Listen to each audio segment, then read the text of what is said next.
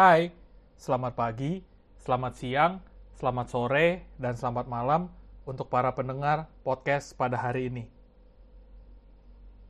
Kalau kita mau mendownload suatu file dari website ataupun email, proses download bisa gagal setidaknya karena dua hal. Yang pertama, koneksi internet tidak stabil ataupun koneksinya terputus. Atau karena hal yang kedua, kita sendiri yang klik tombol cancel atau batal. Ada orang-orang yang tidak berani untuk memulai atau berproses dalam hidupnya. Tetapi ada lebih banyak lagi orang yang menyerah atau berhenti di tengah jalan. Selamat datang di podcast pada hari ini, episode yang kelima, dengan judul Jangan Berhenti Karena Proses Belum Selesai. Galatia 6, ayat yang ke-9 sampai dengan ayat yang ke-10, demikianlah firman Tuhan. Janganlah kita jemu-jemu berbuat baik, karena apabila sudah datang waktunya, kita akan menuai jika kita tidak menjadi lemah. Karena itu, selama masih ada kesempatan bagi kita, marilah kita berbuat baik kepada semua orang, tetapi terutama kepada kawan-kawan kita seiman. Rasul Paulus mengidentifikasikan jemaat Galatia sebagai jemaat yang bodoh.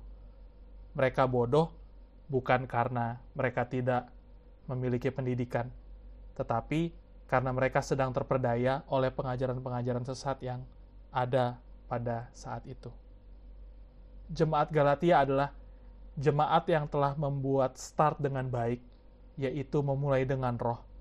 Tetapi di tengah jalan, mereka tergoda untuk berhenti pada proses yang benar, dan mau mengakhirinya dengan kedagingan.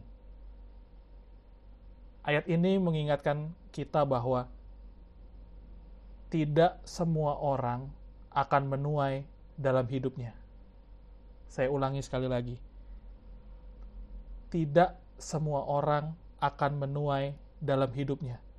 Meskipun kita menabur, belum tentu kita menuai dalam kehidupan kita. Alkitab berkata, janganlah kita jemu-jemu berbuat baik, karena apabila sudah datang waktunya, kita akan menuai jika kita tidak menjadi lemah. Alkitab terjemahan baru menjelaskan kepada kita bahwa kita tidak menuai kalau kita lemah. Kita bisa jadi lemah ketika kita jemu-jemu. Ataupun Alkitab Bahasa Indonesia masa kini menjelaskan kepada kita, kita tidak menuai karena kita berhenti melakukannya. Dan kita berhenti melakukannya karena kita bosan. Kita perlu mewaspadai kebosanan atau kejemuan dalam kehidupan kita karena kebosanan dan kejemuan dapat membuat kita menjadi lemah, sehingga kita berhenti melakukan apa yang benar, sehingga pada akhirnya kita jadi orang percaya yang tidak pernah menuai dalam kehidupan kita. Kamus Besar Bahasa Indonesia menjelaskan kata jemu sebagai sudah tidak lagi karena terlalu sering. Saya ulang sekali lagi. Sudah tidak lagi karena terlalu sering. Kejemuan atau kebosanan dapat membuat kita menjadi lemah atau membuat kita berhenti melakukan apa yang sebenarnya baik, sebenarnya berguna, bahkan hal yang benar. Oleh karena itu, kita perlu mewaspadai betul kebosanan atau kejemuan dalam kehidupan kita.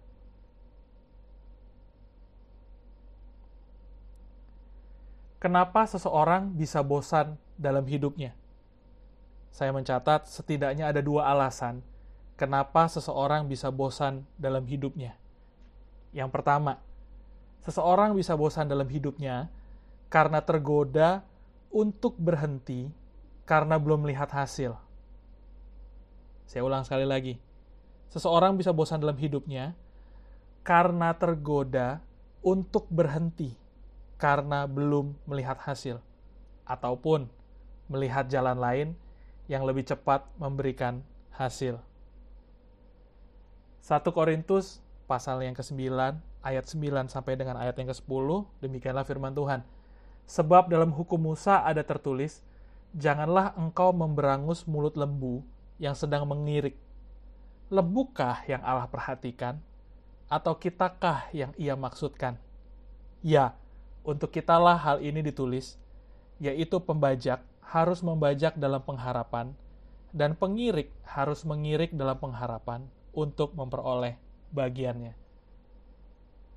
Rasul Paulus mengingatkan kita bahwa dalam hukum Musa terhadap sebuah hukum bahwa kita tidak boleh memberangus mulut lembu yang sedang mengirik. Dasar hukum itu bukanlah sekedar bahwa Tuhan memperhatikan lembu-lembu kita atau memperhatikan atau e, mencintai binatang, tetapi mengasihi lembu yang bekerja, yang sedang mengirik, itu adalah penggambaran bagaimana Tuhan mengasihi atau memperhatikan hidup kita. Rasul Paulus mengatakan bahwa atau kitakah yang ia maksudkan? Iya, untuk kitalah hal ini ditulis yaitu pembajak harus membajak dalam pengharapan dan pengirik harus mengirik dalam pengharapan untuk memperoleh bagiannya. Alkitab mengajarkan kepada kita bahwa ketika kita bekerja atau kita sedang menabur atau kita sedang berproses, berproseslah dalam pengharapan. Kenapa kita memerlukan pengharapan ketika kita bekerja, ketika kita menabur, ketika kita berproses? Karena sering kali kita tergoda untuk berhenti karena kita belum melihat hasilnya. Tidak melihat hasil atau belum melihat hasil dapat membuat kita masuk kepada jurang yang namanya kekecewaan. Tetapi Alkitab mengajarkan kepada kita, bekerjalah dan menaburlah, berproseslah dalam pengharapan. Kalau kita bertekun, kita akan memperoleh hasilnya, kita akan memperoleh upahnya, kita akan memperoleh bagian kita. Hal yang kedua, kenapa seseorang bisa bosan dalam hidupnya? Seseorang bisa bosan dalam hidupnya karena melakukan sesuatu tidak didasari atau berlandaskan dengan kasih. Saya ulang sekali lagi. Kenapa seseorang bisa bosan dalam hidupnya? Karena melakukan sesuatu tidak didasari atau berlandaskan dengan kasih. Hosea 6 ayat yang ke-6, demikianlah firman Tuhan. Sebab aku menyukai kasih setia dan bukan korban sembelihan, dan menyukai pengenalan akan Allah lebih daripada korban-korban bakaran. Alkitab mengajarkan kepada kita bahwa lebih dari setiap aktivitas ibadah yang bisa kita berikan atau persembahkan kepada Tuhan, Tuhan lebih memilih untuk kita memiliki pengenalan akan Tuhan sebagai prioritas kehidupan. Karena Tuhan mau kita beribadah kepada Tuhan karena kita mengenal dan mengasihinya. Bukan sekedar beribadah karena kebiasaan atau tradisi yang turun-temurun.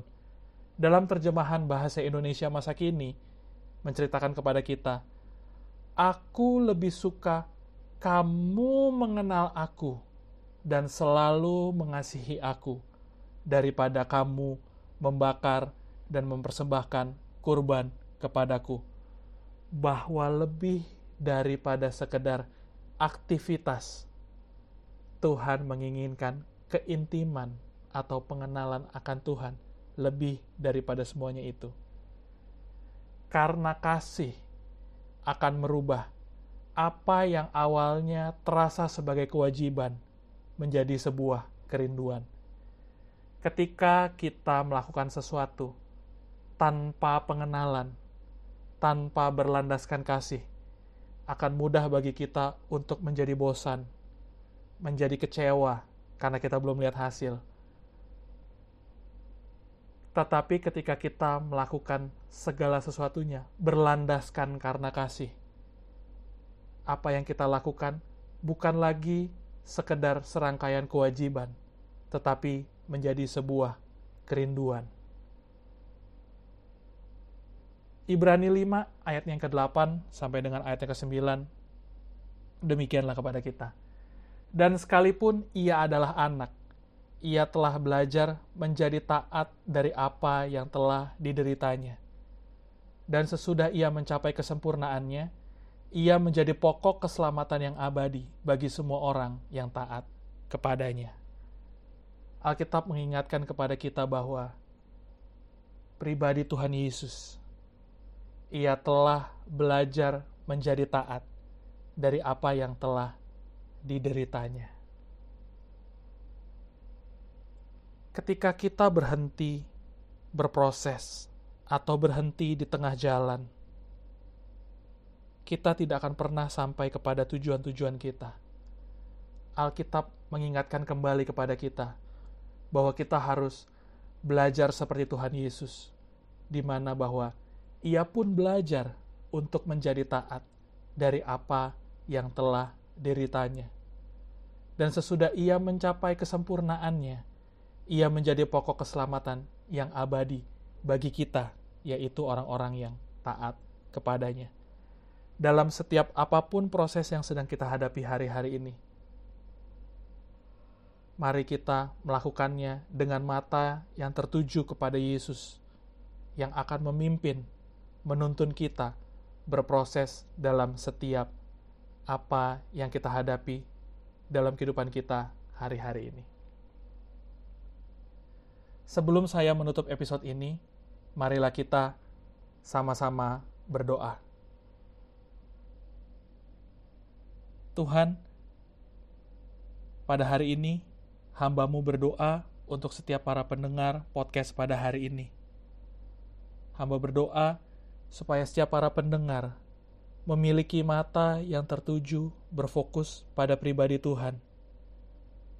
Hambamu berdoa supaya setiap kami tidak lagi berfokus pada apa yang sedang kami hadapi, penderitaan, beban, kesulitan, pikiran-pikiran kami sendiri maupun perasaan-perasaan kami sendiri. Tetapi oleh anugerah Tuhan, kami semua dimampukan untuk memiliki mata yang tertuju kepada Tuhan, yang akan memimpin iman kami kepada kesempurnaan. Bahwa dalam segala apa pun yang sedang kami hadapi, dalam setiap proses yang sedang kami hadapi, Tuhan tidak mau kami berhenti di tengah jalan, tetapi Tuhan memberikan anugerahnya kepada kami, untuk berproses setia sampai pada akhir. Aku berdoa Tuhan, biar saat-saat ini setiap para pendengar yang mendengar podcast ini, mereka mengalami perjumpaan dengan Tuhan. Karena ketika mereka mengalami perjumpaan dengan Tuhan, mereka akan mengalami kasih Tuhan yang sempurna. Bagaimana kasih Tuhan memeluk, mengampuni, menerima diri mereka. Aku berdoa Tuhan, supaya melalui kasih Tuhan, mereka masuk ke dalam pengenalan akan Tuhan yang lebih dan lebih lagi. Sehingga setiap dalam apa pun yang mereka kerjakan, mereka melakukannya karena mereka mengasihi Tuhan. Terima kasih Tuhan Yesus. Aku berdoa supaya melalui podcast pada hari ini, setiap orang yang mendengarnya. Mata kami kembali tertuju kepada Tuhan, dan kami melakukan setiap proses kami bukan dengan sungut-sungut, dengan kecewa ataupun tawar hati, tetapi dengan penuh kasih, karena kami mengenal siapa Tuhan yang berjalan bersama-sama dengan kami. Kami ucap syukur kalau firman Tuhan pada hari ini mengajar, menegur kami karena kami tahu Tuhan memberi kesempatan bagi kami untuk bertobat karena Tuhan mengasihi kami.